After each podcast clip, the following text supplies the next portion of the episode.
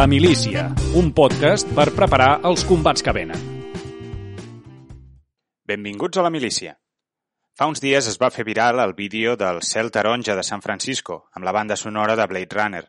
Eren unes imatges preses per un dron que sobrevolava la ciutat durant els incendis de la costa oest que avui, quan gravem aquest episodi, encara continuen vius. La barreja entre el color lluent de l'atmosfera i la música futurista que algú hi va posar al damunt donen el to precís de l'ambient que, almenys des de l'altre costat de l'Atlàntic, ens arriba dels Estats Units. Bruno Massaes, un intel·lectual portuguès, explica al seu últim llibre, History Has Begun, que els Estats Units s'assemblen més a un país en desenvolupament que a una potència mundial i que això forma part de la seva emancipació del llegat civilitzatori europeu del qual fins ara s'havia convertit en el seu màxim representant. No sé si té raó, però el cert és que cada cop és més difícil aconseguir una informació fiable del que passa allà. Les protestes contra el racisme policial, que van començar ja fa més de quatre mesos, han derivat en aldarulls i una certa sensació de caos. Mentrestant, la pandèmia fa el seu curs. Va començar atacant Nova York i avui s'expandeix de forma molt desigual per tot el territori.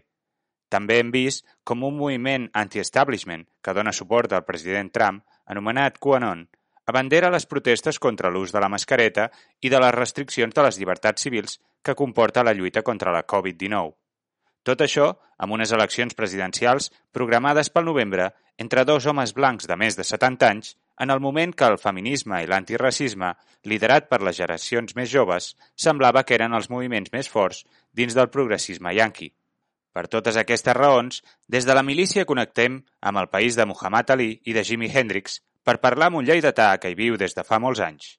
Conversarem amb Josep Lluís Guallar, un enginyer en sistemes radicat a Carolina del Nord, i li demanarem que ens expliqui, des de la seva experiència, com és viure enmig del caos.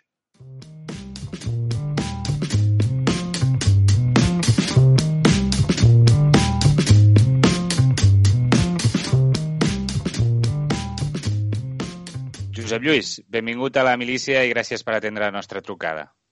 Moltes gràcies.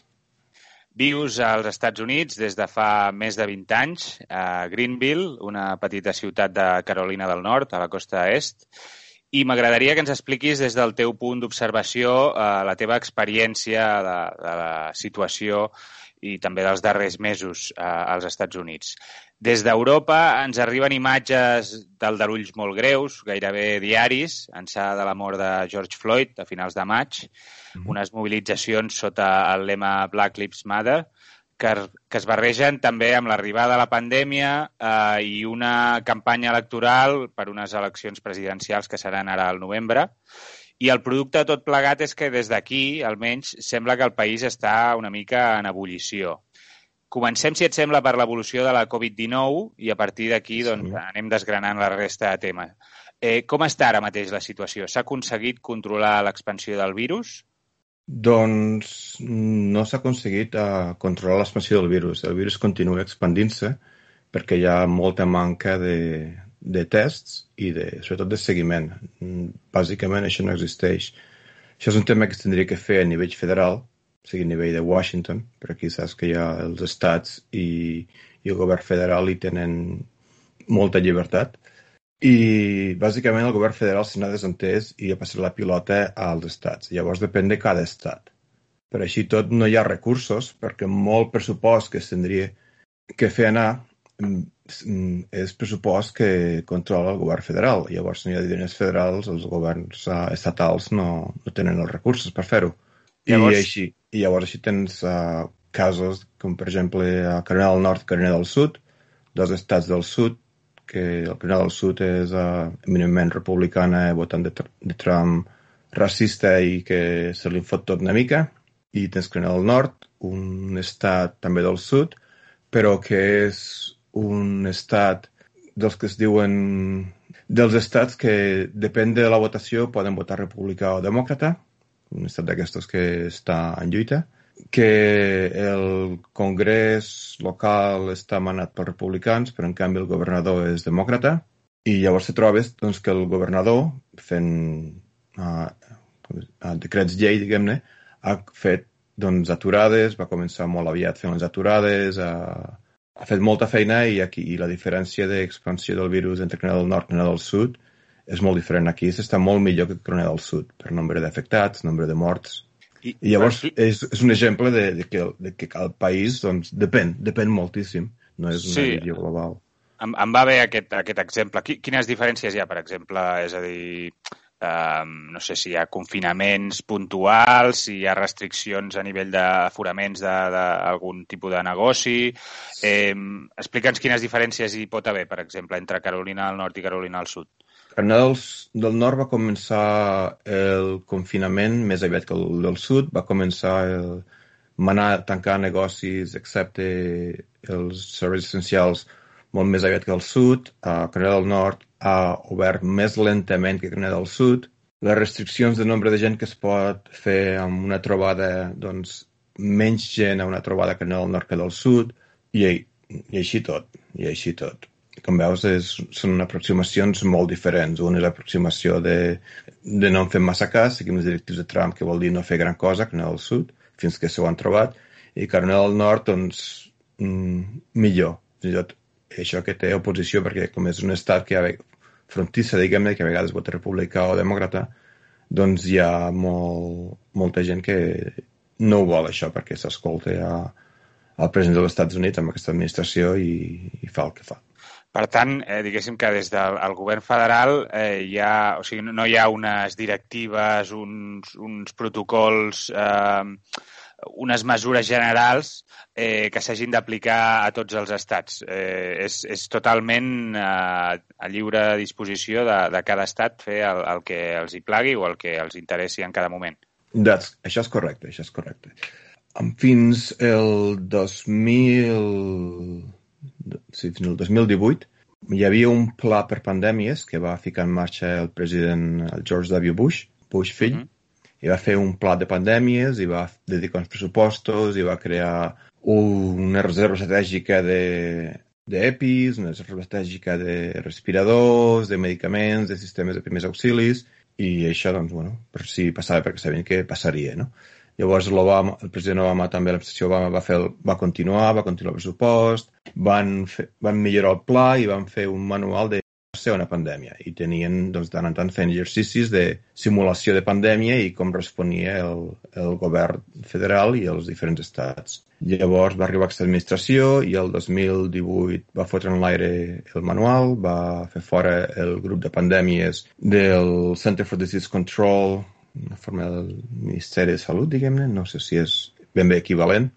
Va també uh, despatxar uh, la gent del Center of Disease Control que estaven a, a Xina, perquè normalment era foc de pandèmies. Es va fer fora, llavors no hi havia el grup que s'encarregava d'investigar sobre el terreny a la Xina per si hi havia alguna pandèmia, alguna nova enfermetat que podia ser greu i llavors arriba el 2020 i ens trobem amb el Covid-19 i no tenien pla, no tenien gent i així ha anat tot. I no hi ha directriu, no hi ha pla, no hi ha planificació, no hi ha suport.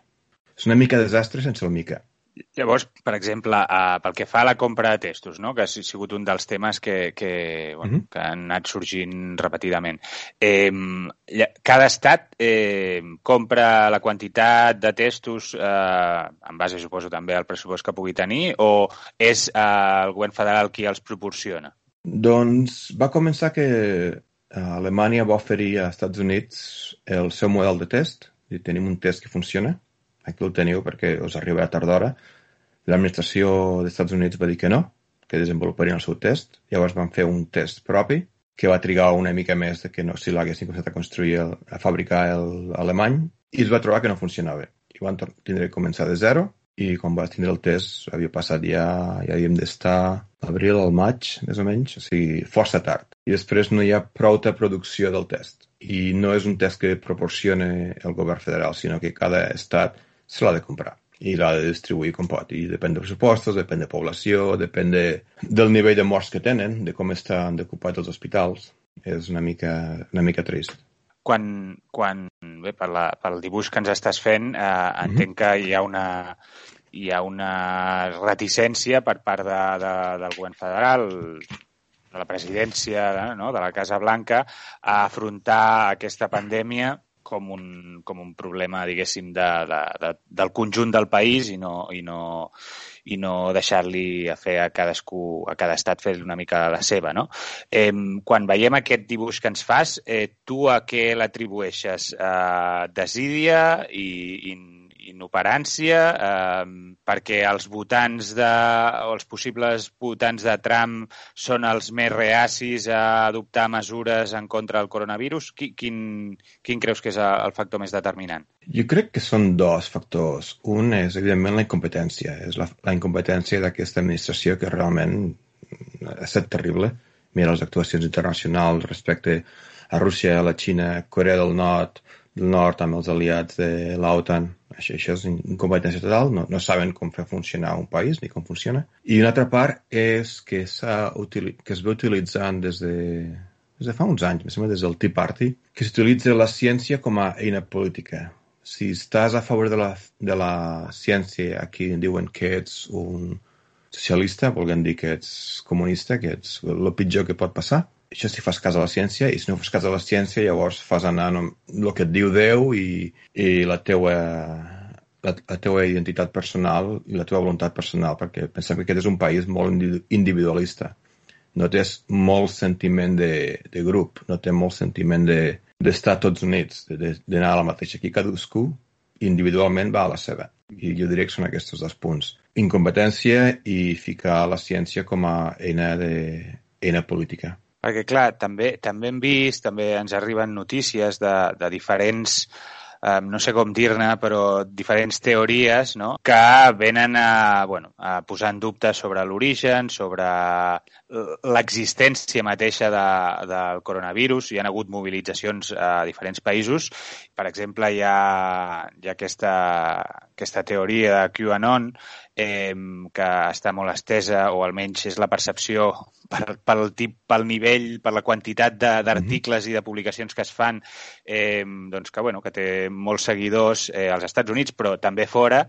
Eh, no sé si aquest tipus de, de en diuen negacionisme, jo no, jo no sé si aquesta paraula utilitzar-la per, per la gent que simplement o, o no hi creu directament o, o no està d'acord amb les mesures més restrictives eh, perquè considera doncs, que s'estan atentant contra les seves llibertats civils, etc.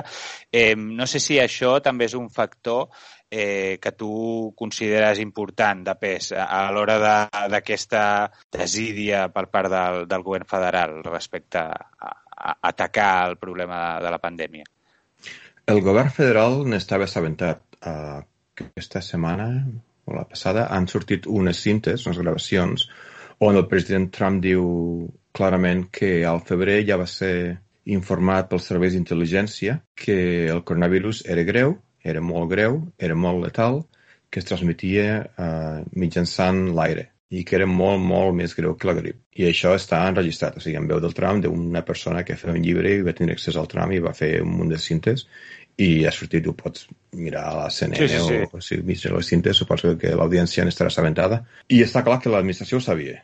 I llavors es va fer una reunió amb el grup de seguretat dels Estats Units, de, del govern dels Estats Units, on hi ha diferent gent republicana, i es va fer reunió, se'ls va explicar el tema, i llavors el mateix dia, i l'endemà al matí, una sèrie de congressistes i senadors i familiars de congressistes i senadors van començar a vendre accions de depèn quines indústries que creien, segons la informació aquesta, que verien afectades i a comprar accions d'altres empreses que creien que, doncs, que farien diners amb la pandèmia. I, per exemple, un és un senador de, de Canadà del Nord, per això ho tinc tan present, saps? que se l'ha descobert, o sigui, que, perquè va vendre aquestes accions amb aquestes dates. O sigui, se sabia que seria dolent, seria que afectaria l'economia, se sabia que eh, hi hauria moltes víctimes i van deixar fer per partidisme perquè llavors seria això és la ciència. I a part, l'administració d'en Trump té, té la tendència a creure que és més intel·ligent que ningú. Sempre diu, ah, jo en sé més que els militars, jo en sé més que els metges, jo en sé més que els enginyers, jo en sé més que, que tothom, saps? Uh mhm. -huh. I aquesta actitud fa que quan li diguen això, doncs, no li fa el cas que li tindria que fer. I després hi ha el tema que sí, que la gent, les llibertats individuals i tal com està des de que va començar la cadena Fox News, el Tea Party, perquè això, clar, ve de, de fa una generació, el Fox News, el Tea Party, i ara el tema del Trump, doncs, i el QAnon, doncs, la gent està a viu, hi ha molta gent que viu una realitat paral·lela, és com un culte. I això fa que la gent no cregui la pandèmia, creu que és un invent, fins i tot ara mateix, fins que els afecti més directament, i llavors, clar, és massa tard. Tu, no sé, tu estàs allà, tens contacte amb moltes persones, eh, creus que realment hi, hi ha una quantitat de gent important que viu en aquesta realitat paral·lela que, que deies? Hi ha una quantitat de gent important, realment. Uh, quan s'han tingut notícies que no fa gaire, les dues darreres setmanes, Facebook ha tancat un munt de, de grups privats de Facebook on hi havia centenars de milers de persones que sobre QAnon, doncs això es indica de, que hi ha molta gent al tema.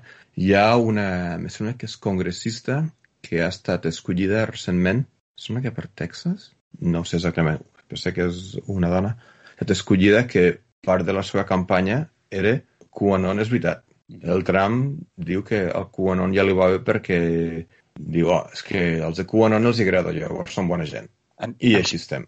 Ens podries fer un breu resum? No, no sé si, si ho toques molt el tema, eh? però ho, ho dic perquè ho estem parlant per l'audiència i no, segurament tu coneixes millor que jo, eh, si no provaria jo també d'explicar-ho dintre les meves possibilitats. Però eh, què és això de QAnon?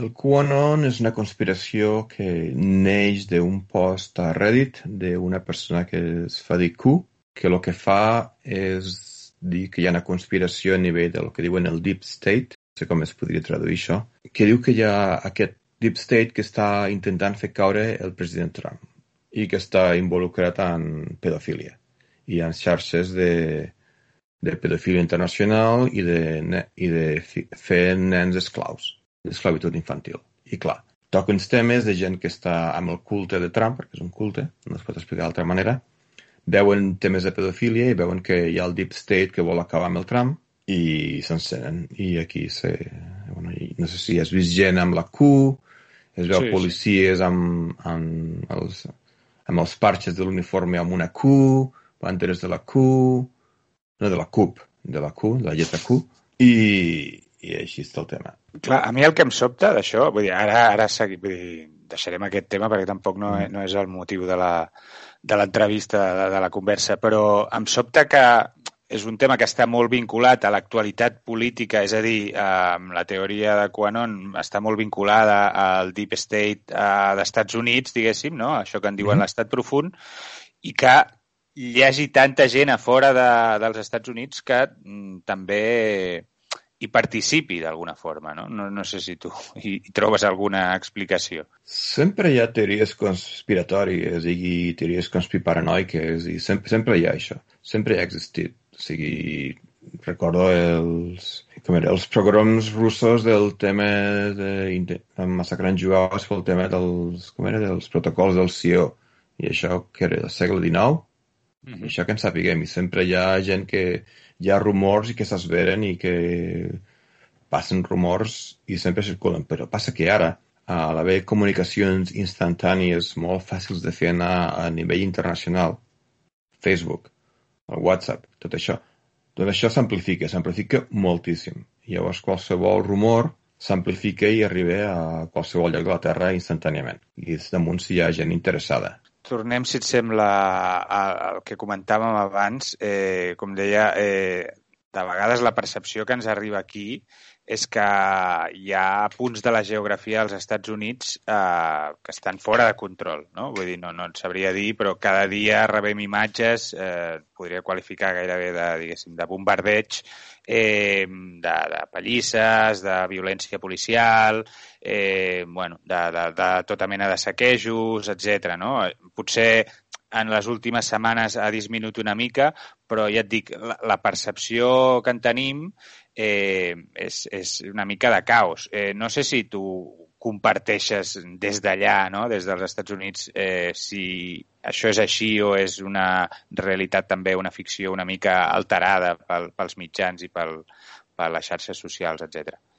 El que sí que és cert és que hi ha molt ressentiment hi ha molta gent enfadada i amb, i amb emprenyament contingut des de fa generacions sobretot la comunitat afroamericana i la comunitat que aquí diuen brown, que és la gent que no és blanca directament.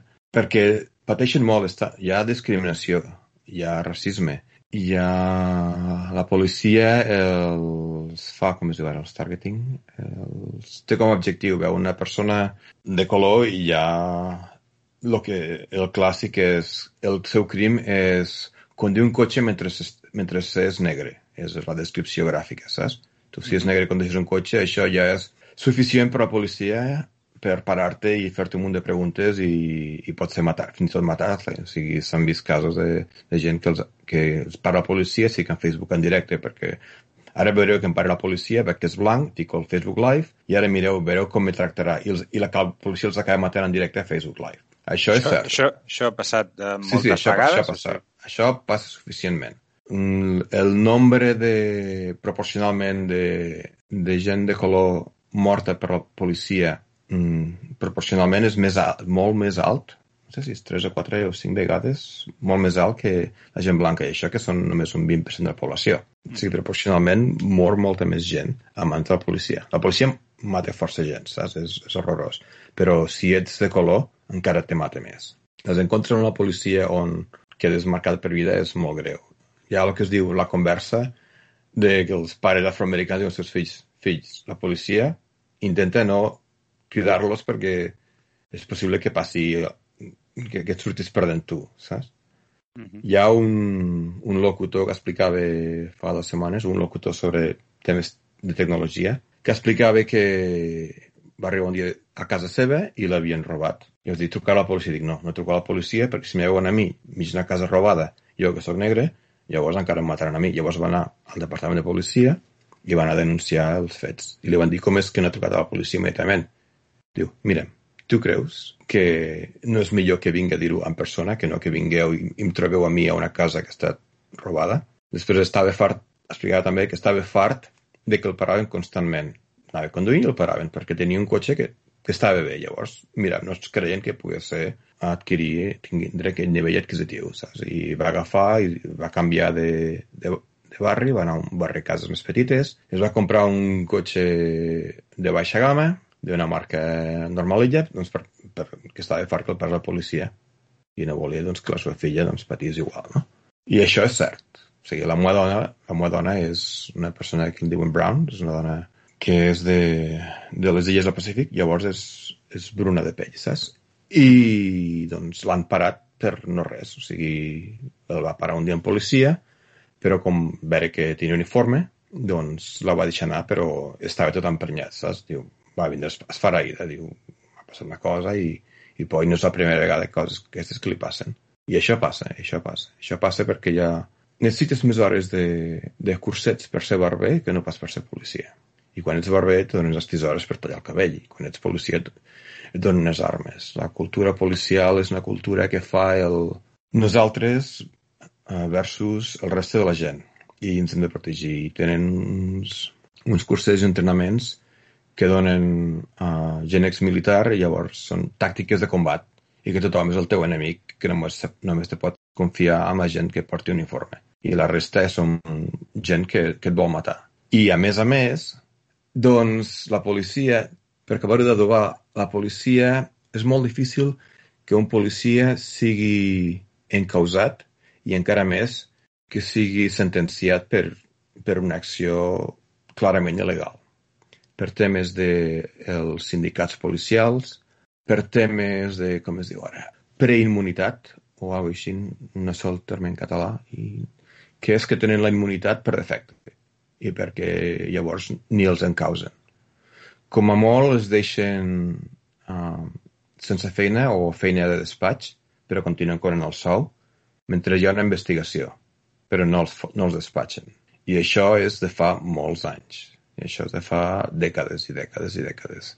Des dels anys 60, Martin Luther King ja, ja patia aquest tema. O sigui, hi ha generacions, o sigui, hi ha els avis que diuen, parlen amb els pares i que els diuen als nets que bueno, això ja passava als seus temps i que ja s'havien protestat i que encara no ha canviat res. O sigui, això és un tema cert. I les manifestacions perquè la gent se n'ha fartat, perquè ara la gent té una càmera a la mà i instantàniament pot gravar un, un, el policia doncs, fot una pallissa fotent set trets a l'esquena d'una persona que intenta entrar al cotxe per l'esquena. I llavors, clar, dius, què és això, no? I la gent està farta, està farta, molt farta. Potser, potser la diferència, la meva percepció és que si ve de, diguéssim, de protestes eh, d'aquestes característiques, doncs, eh, arrel de, com dius, doncs, que, que passa sovint, no?, que hi ha aquests eh, assassinats per part de la policia, mm, doncs, més freqüent del que seria desitjable, eh, moltes vegades hi ha hagut protestes, però aquesta vegada potser hem vist una organització més... No sé si potser això ja m'ho diràs tu, fruit de l'experiència anterior, no? Però sí que hem vist uh, unes, unes, una organització millor respecte a altres vegades, no? que, que la durada eh, no sé, per exemple, no sé si ens pots dir si es continua, o sigui, si aquesta mobilització continua ocupant carrers a, a arreu dels Estats Units o si ja s'ha aturat una mica, però vull dir, sí que és veritat que a, anteriorment a, això era com una fogonada, no? A, hi havia aldarulls durant uns dies concrets quan hi havia un, un assassinat d'aquestes característiques però després eh, quedava, diguéssim, quedava no res. I en canvi ara doncs, es, sembla que hi hagi una, una organització més potent al darrere, no?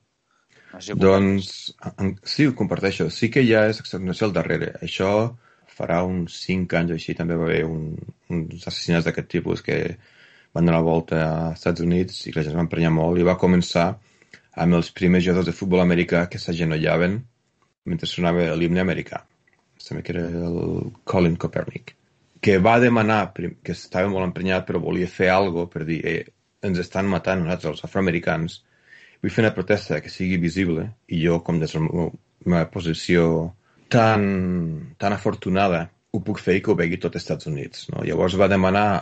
Va, primer s'estava sentat i no s'aixecava durant l'himne, que és el que abans de cada partit, i llavors uns veterans de l'exèrcit, forces armades, li van dir però què fas, això és una cosa que no és respectuosa, tal i qual.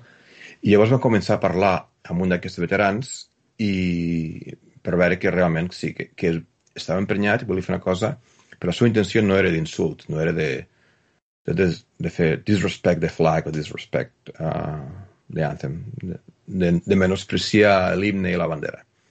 I llavors va preguntar què es podria fer. Diu, mira, doncs pot ser una cosa que podries fer. Això, un exmilitar blanc, al joc de futbol americà negre, diu, potser et podries agenollar perquè és de respecte, però és diferent d'estar d'en peus. I llavors és una cosa que pot cridar l'atenció, però no és gens... Uh, no, no falta el respecte a ningú. Llavors va començar això. Però, evidentment, va sortir de mare i li dient de tot i que era dis... també falta de respecte i que no t'hi respecte i que, bueno, qualsevol cosa, saps? I llavors aquí això va començar a calar la gent, sobretot la població afroamericana. I van començar a fer el moviment Black Lives Matter. Les, uh, els, les vides dels negres també importen.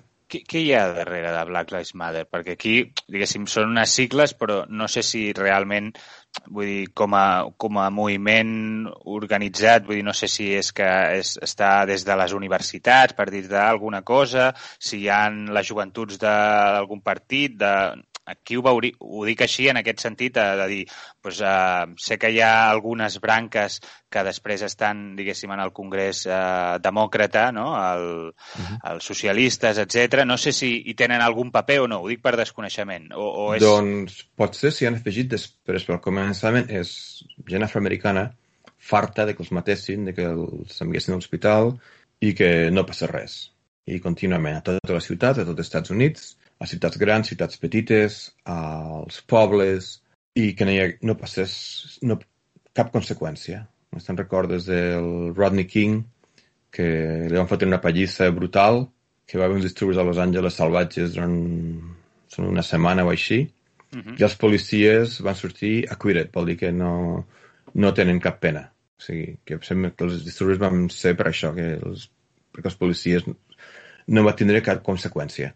I això, clar, la gent està cremada. Llavors, ara la gent, doncs, ara hi ha més eines de, de xarxes, de, de comunicació instantània, i és molt senzill, i amb les xarxes socials la gent s'ha organitzat per fer manifestacions i és el que es diu, és un moviment de base que ha sortit de, de la gent i que es va començar a organitzar i van començar a fer protestes i van començar a ficar samarretes, ficar enganxines, a intentar conscienciar la gent, donar papers pels carrers. I llavors va vindre el Covid-19 i molta gent va perdre la feina. I sobretot gent jove de, de la geek economy aquesta, doncs, que tens feines parcials i aquestes coses, i va afectar molt sobretot a la gent jove i a la gent de color. Llavors tens gent que està organitzant, gent emprenyada, gent que no té feina, és ideal, pots començar a fer manifestacions i vas, fan, vas fent manifestacions i comencen a passar coses i veus que hi ha doncs, els uh, agents provocadors que venen i foten foc a puestos, trenquen és minoritari, però es veu clarament que normalment solen ser gent blanca, que trenquen els vidres o comencen els incendis, i després, una vegada passada la manifestació, una vegada s'han els vidres, doncs els indesitjables de sempre van i, i fan l'agost i entren a robar depèn quins establiments. Però això és una cosa que estic de base. Després s'ha anat, anat a afegir gent. S'ha anat afegint gent de la part socialista del Partit Demòcrata, gent de la part més central del Partit Demòcrata, el Partit Demòcrata en ple, veus a governadors, veus a congressistes, veus a senadors que van a les manifestacions, veus uh, els alcaldes que van, veus gent que va a tot arreu. Sigui, això és molt gran. Fins i tot aquí, en una ciutat petita on estigui jo, també s'han fet aquestes uh, manifestacions. I, I avui en dia eh, aquestes manifestacions eh, continuen? Eh, són diguéssim, estan vives o, o s'ha quedat el tema una mica parat? Mm, sé que fa dues setmanes hi eren, però estic amb un pic de feina i no estic mirant la tele, la veritat. No estic siguent notícies, però sé que hi eren i hi havia, hi havia un compte de gent que dia portem 20, 80, sembla que l'últim número que recordo era portem 86 dies fent manifestacions uh mhm. -huh. amb aquestes ciutats, saps? Per Black Lives Matter.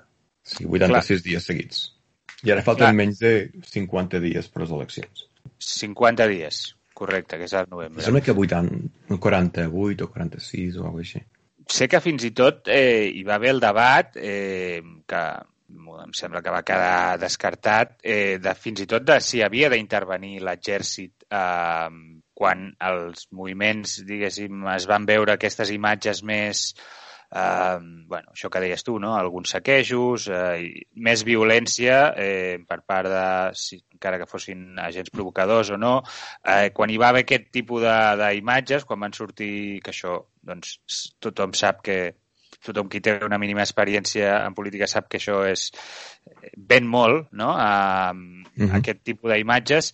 Eh, i, no, hi va haver el debat eh, de si l'exèrcit havia de sortir al carrer. Crec que fins i tot eh, ho va posar sobre la taula eh, el president Trump. Eh, tu tens família política eh, vinculada al, a l'exèrcit. No sé si podries donar-nos una visió general, no, però com a mínim el que tu veus que el que tu copses de, de com, quin és el sentir de, de l'exèrcit respecte a aquesta, al clima actual. No, no diré només respecte a les mobilitzacions, sinó aquesta barreja que es veu des d'aquí, que és eh, eh, una, una sèrie de mobilitzacions. També en van veure, sobretot al principi, de eh, persones que que deien que no s'havia de, de dur màscares, que totes les mesures mm-hmm. anti-Covid eren, eren una restricció a les seves llibertats. No sé si mm-hmm. tampoc si, si continuen havent-hi moltes manifestacions d'aquest tipus, però hi ha aquest, aquest tipus de manifestacions, eh, eh, hi ha el, el Covid, hi ha les eleccions a, a, en un termini molt breu. No sé si tens aquesta idea de, de quin és el sentit de l'exèrcit al respecte. Ho dic perquè des de la península ibèrica l'exèrcit té un paper que no és el que acostumen a tenir no? el, el, els altres mm -hmm. països. No? Aquí eh, ha sigut molt intervencionista en política i, en canvi, doncs, als Estats Units eh, no sé si és tant, però com a mínim hi deu haver deuen haver-hi posicionaments més o menys clars i, i, i un sentir més o menys general al respecte de, de la situació del país. Doncs aquí hi ha tres punts. Primer, el primer punt és l'exèrcit i la intervenció. Després el sentiment de l'exèrcit i després les, les contramanifestacions que dies en contra de mascaretes i temes de, de mitigació del Covid. Eh, la intervenció de l'exèrcit als Estats Units. La Constitució és clara. L'exèrcit no pot uh, actuar dintre dels Estats Units a no ser que hi hagi un enemic extern dels Estats Units o a no ser que hi hagi un aixecament militar. I aixecament militar vol dir doncs, que realment hi ha molts morts, que hi ha gent amb moltes armes i que hi ha molts trets i que realment és un aixecament militar. No el que les tonteries que, que diuen el, el Tribunal Suprem i Constitucional d'Espanya que qualsevol manifestació és, és un aixecament. No, aquí realment està ben clar el que pot fer. Després, el tema de...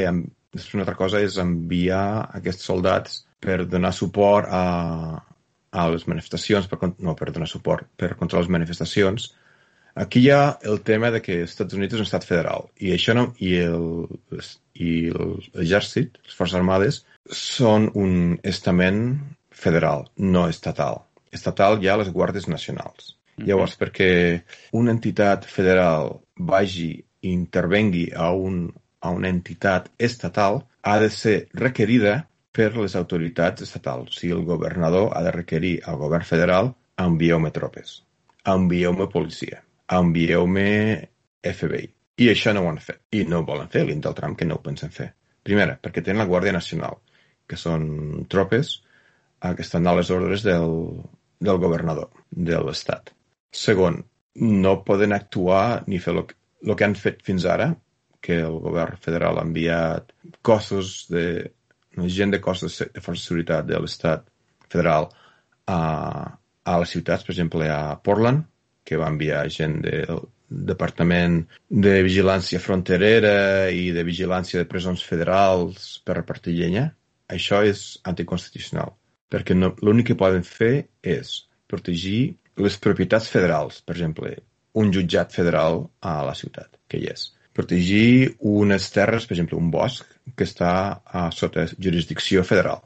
Però el que han fet d'anar pel carrer doncs, segrestar o detindre o repartir llenya directament en, en plan antidisturbis, això és anticonstitucional. I la ACLU, que és l'American Civil, Civil, Civil Liberties Union, que és com si fos el OCU de les llibertats civils dels Estats Units, uh -huh. ja ha portat als tribunals a diverses vegades el president Trump, l'administració Trump, per aquest tema, precisament, perquè això és anticonstitucional i no es pot fer, i és il·legal. I els alcaldes de les ciutats han dit que fora, que això no pot ser, que no ens tenen aquestes tropes, que se'n vagin dels carrers perquè, i que se'n vagin a, a les propietats federals. Aquest és el primer punt. O sigui, això, que, el, que el, eh, les forces armades interven facin intervenció a dins dels Estats Units, no es pot fer sense que ho demani expressament el governador.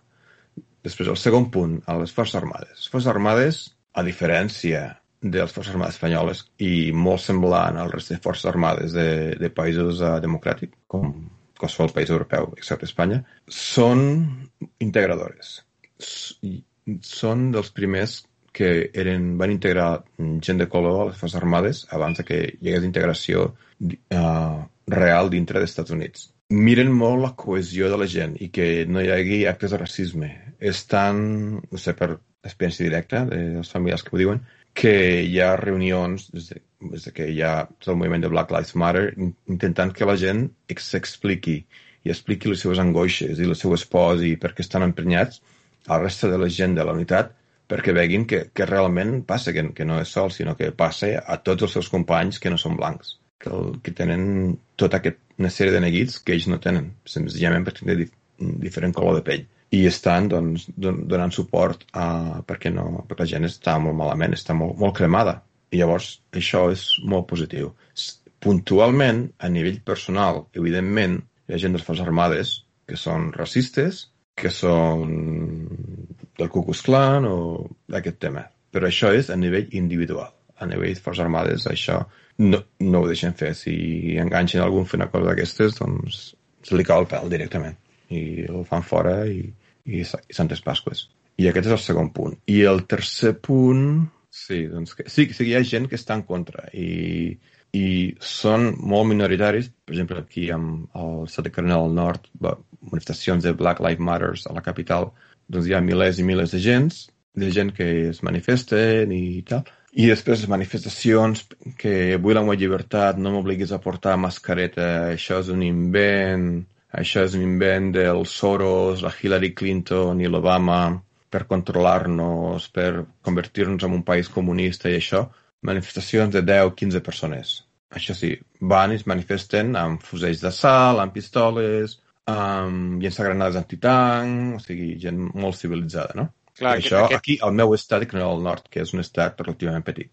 Clar, aquest és un dels, diguéssim, és una de les, de les coses que ens sorprèn no? des d'aquí, perquè hem vist algunes que eren més nombroses eh, de la que em comentaves ara, no? en, en què hi havia com una mena d'ostentació de, de les armes i d'aquesta d'aquest tipus de, de milícies o paramilícies eh, que clar, eh, des d'aquí doncs, eh, sembla una cosa molt, no sé com dir-ho, eh, molt estranya, no?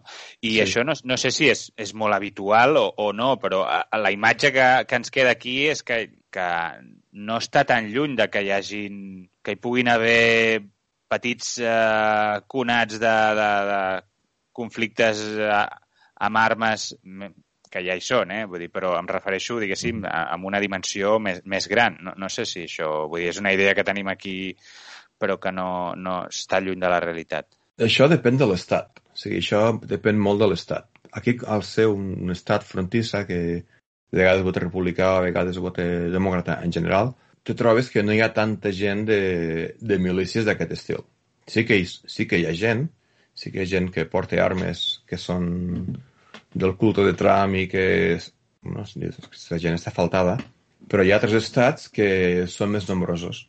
Hi ha un estat on hi mana una governadora demòcrata, com aquí, un governador demòcrata, i és un estat, em sembla que és del Midwest, pel mig dels Estats Units, ara no passis del nom que me'n recordo, un estat no massa gran, però que hi ha molt sentiment de sí, sí, ens hem de tindre armes perquè abans diuen que vindran els russos, ens estem estar preparats, i ara estan gent que es, dedica, que es diuen no, oh, es prendran les armes, hem de comprar més armes i més munició, bueno, ja falta aquesta, i que van a protestar que volien que obrissin els barbers, després de tallar el cabell, i van a protestar amb armes i van entrar amb armes dintre de com seria el que va anar a Catalunya del Parc de la Generalitat, perquè això ho permet la llei al, local d'aquell estat i van d'entrar amb armes, amb els fusells d'assalt i amb camuflatge i amb armilles antibala i cridant com a bojos dintre del, del, del Parlament, del,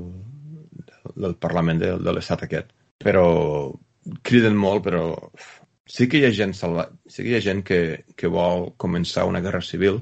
Hi ha un moviment que es diu Boogaloo, que això sí. de la pel·lícula dels anys 80, d'Electric Boogaloo, doncs que aquests volen fer guerra civil i, i han matat a una sèrie de policies, no sé si vuit policies a l'estat de Califòrnia, perquè volen matar policies, perquè policia s'emprenyi i comenci a, a matar més gent, més obertament, i llavors hi ha una guerra civil.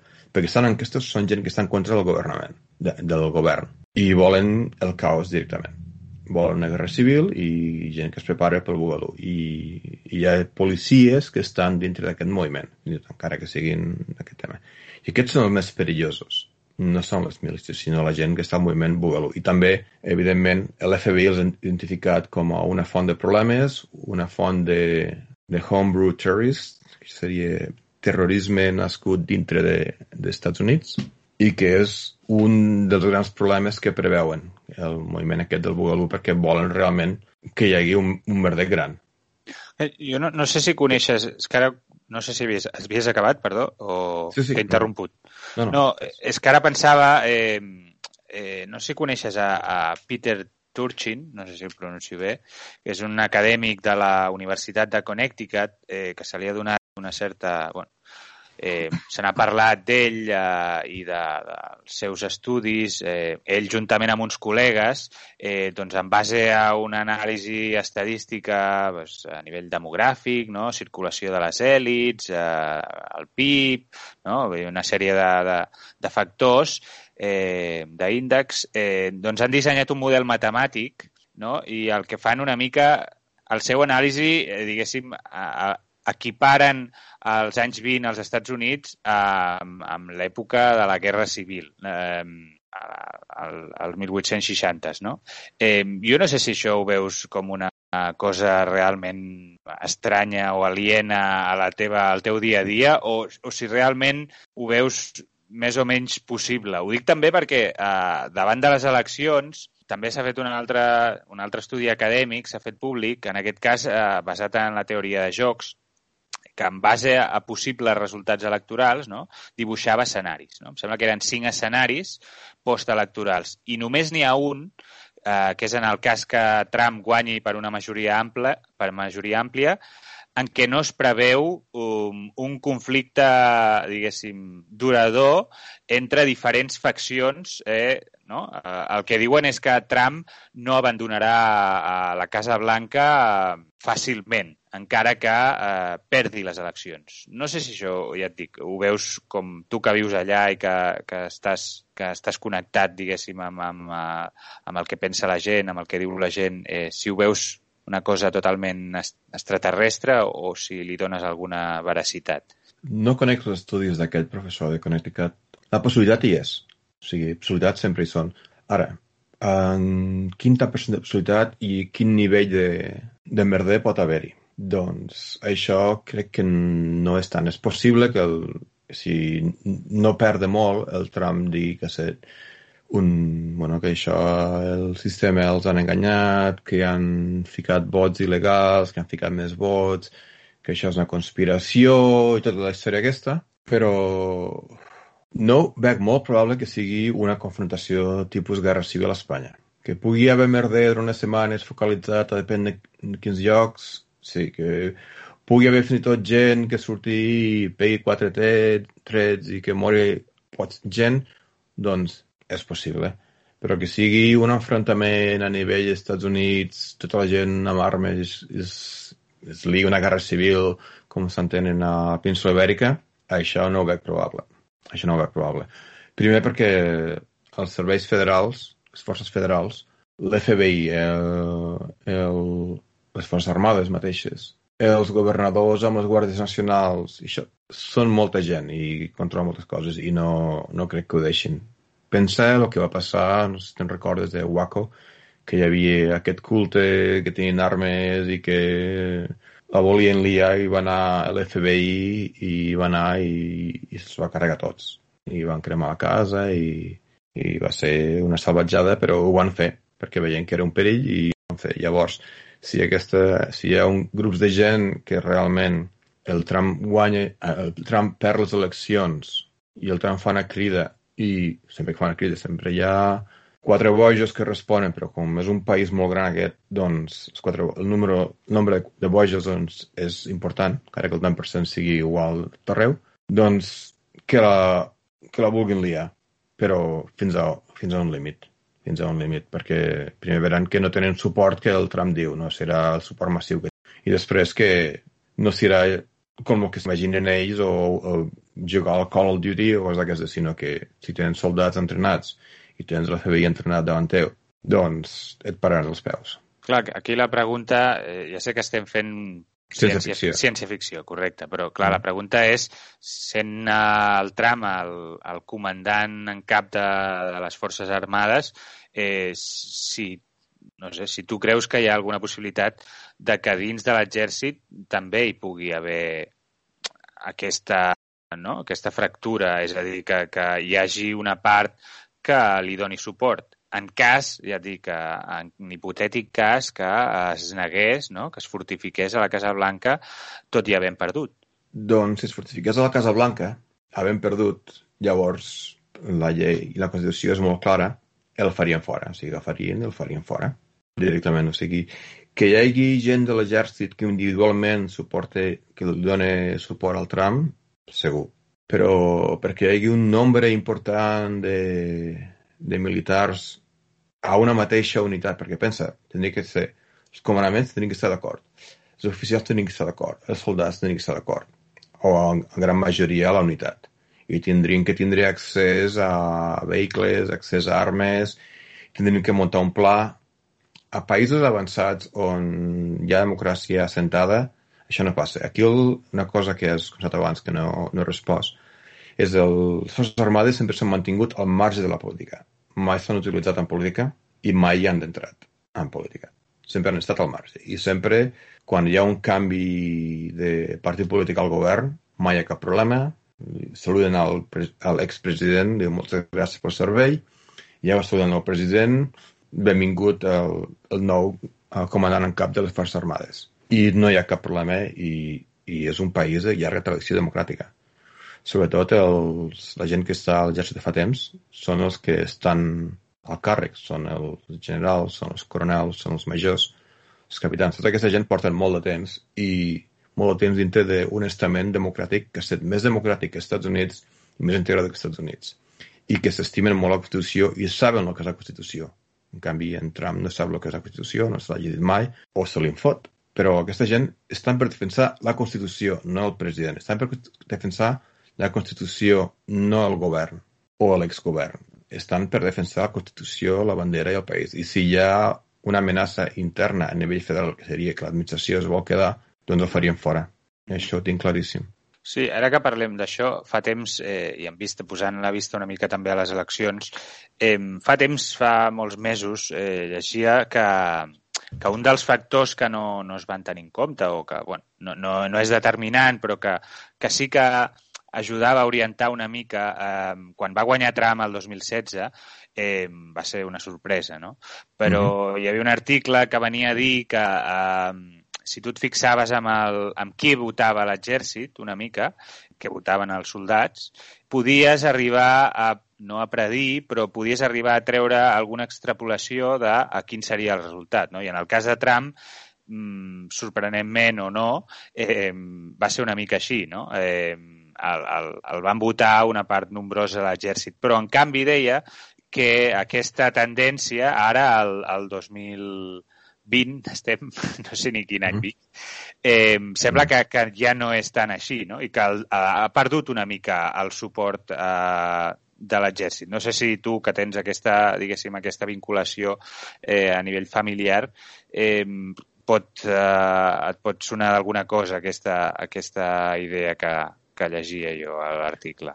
Doncs, tradicionalment, el votant de, que està a les Forces Armades ha votat més republicà que no pas demòcrata, majoritàriament, des de sempre, o des de, com a mínim, dels anys 60.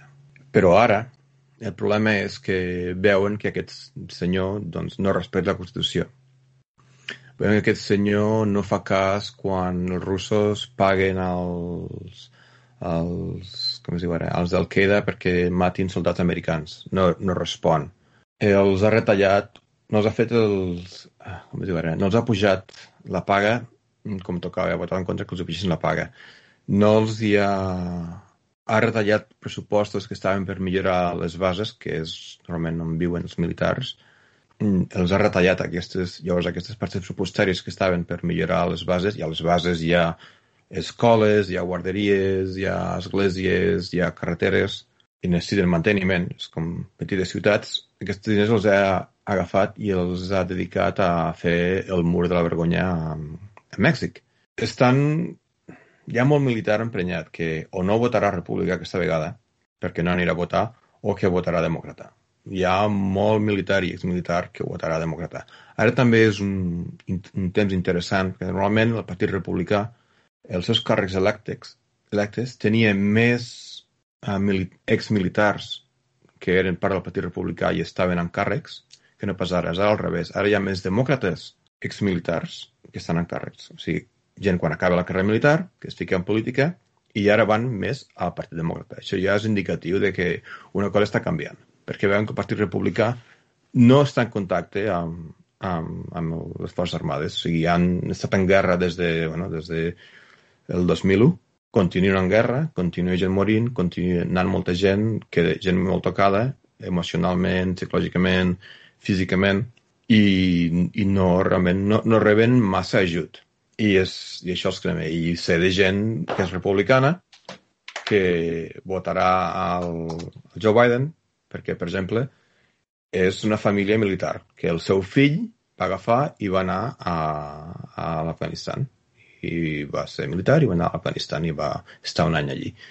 I en canvi de republicans que això ho facin, no. Després el John McCain, una persona molt respectada, que era el senador McCain d'Arizona, que havia estat a les Forces Armades a Vietnam, el van capturar, bueno, tota la història, molt respectat per tothom, sobretot entre les Forces Armades, el veien com un heroi que lluitava per ells. El Trump, el, bueno, l'odiava profundament i, i ho va demostrar en persona i l'espreciava i parlava malament d'ell. Ha parlat malament dels militars davant seu. O sigui, diu, vosaltres sou una cosa, colla de pallussos, jo en sé molt més que vosaltres de tot. Això davant dels generals. Això no fa realment que ell siguis a favor d'ell. Després, a les tropes, parla malament de les tropes quan no està davant de les tropes. Parla malament de la gent que ha estat ferida en combat, la gent que ha perdut una cama o un braç, que ha perdut que ha estat presonera. O sigui, diu que són, són perdedors perquè s'han deixat ferir o s'han deixat capturar, són perdedors. Llavors, no hi ha molta gent a favor del Trump, a no ser que siguin part, diguem, del culte del Trump, o sigui, un, un racista acabat o coses d'aquestes, que n'hi ha, però el nivell d'estar a favor d'aquesta administració dintre l'estament militar és molt baix comparat com havia estat. Bé, eh, si et sembla, ja portem gairebé una hora, eh, ho aniríem deixant. Eh, hem fet mm -hmm. un repàs una mica a l'actualitat de, dels Estats Units, sí que ens hem, hem deixat algunes coses, però en tot cas eh, ho aniríem deixant.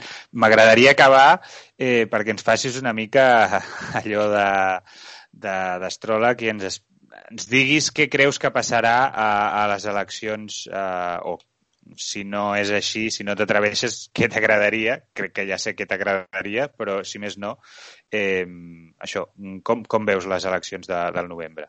Les eleccions del novembre depenen de la participació.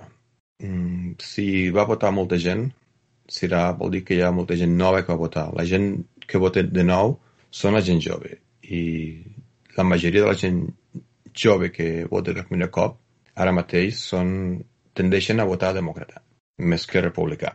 Llavors, clar, això vol dir que aquests votants nous seran votants nous a, part, a favor del, dels demòcrates. Després gent que no van a votar quan a Hillary, perquè va dir, passo a Hillary perquè tots aquests problemes que és part de... Bueno, que és la dona d'un expresident que ja estava de ficar famílies d'aquestes, no vaig a votar. Després gent que no va a votar dic, perquè sóc afroamericà i, i, i cap dels dos més representa, no vaig a votar. Ara ja la candidata a vicepresidenta és bueno, és el que es considera afroamericana aquí, encara que sigui, bueno, sigui afroamericana. Després hi ha gent que, republicans que estan molt emprenyats, que pensen votar, perquè són republicans de veritat, no del Tea Party o del Trump, sinó republicans que pensen en la república, pensen en la Constitució, pensen en la llei i l'ordre i veuen que aquest home no ho ha fet, que votaran demòcrates. Després hi haurà republicans que voldran anar a votar perquè veuen que no es pot seguir així. I després ha els més hardcore que votaran al republicà perquè vot, sempre voten republicà, no els preguntes per què, però sempre ho han fet i sempre ho faran. I després hi ha la gent del culte de Trump, que són els que van sense mascareta a cada que fa un, un acte electoral. I llavors, si mires els nombres i mires el tant cent de població i mires les enquestes, és més factible que el Biden surti escollit que no pas en Trump per tal com està ara mateix la situació. I que van sortint coses com que parlàvem abans, els enregistraments del tram que sabia del coronavirus. I això li va fent mal, i això li va fent mal. El tema dels soldats que els russos donaven diners a Al-Qaeda o a l'ISIS perquè matés soldats americans. Tot això va fent mal, saps? Va fent mal. És com una... Són gotes malalles, diàries, i això fa mal. I jo crec que sortirà el, el Biden. Doncs eh, aquesta és la, la teva predicció. En tot cas, en parlarem a, al novembre. Sí que noto eh, que aquesta vegada, eh, a diferència de, del 2016, la gent no, no li fa tant de cas a les enquestes, o si més no, eh, en desconfia una mica més, no? perquè eh, en aquell moment eh, la gran majoria doncs, li donaven una victòria a Hillary Clinton incontestable gairebé. I en no, canvi això, ara... això no és ben bé cert. O sigui, no, les, les enquestes dient que hi havia més possibilitats sortir la Hillary Clinton que no pas el, el Trump. Però eren més possibilitats, però no vol dir que, que guanyés de calle. El vot popular sí, però aquí el que compta són, el, són el, els només el, el vot electoral. Bé, en tot cas, eh, t'agraeixo que, que ens hagis eh, ofert el teu temps per parlar una mica de, de l'actualitat dels Estats Units Eh, i, I res, moltes gràcies i potser doncs, en un futur seguim, seguim parlant, eh? Josep Lluís. D'acord. I als oients, eh, gràcies per escoltar-nos i fins a la propera.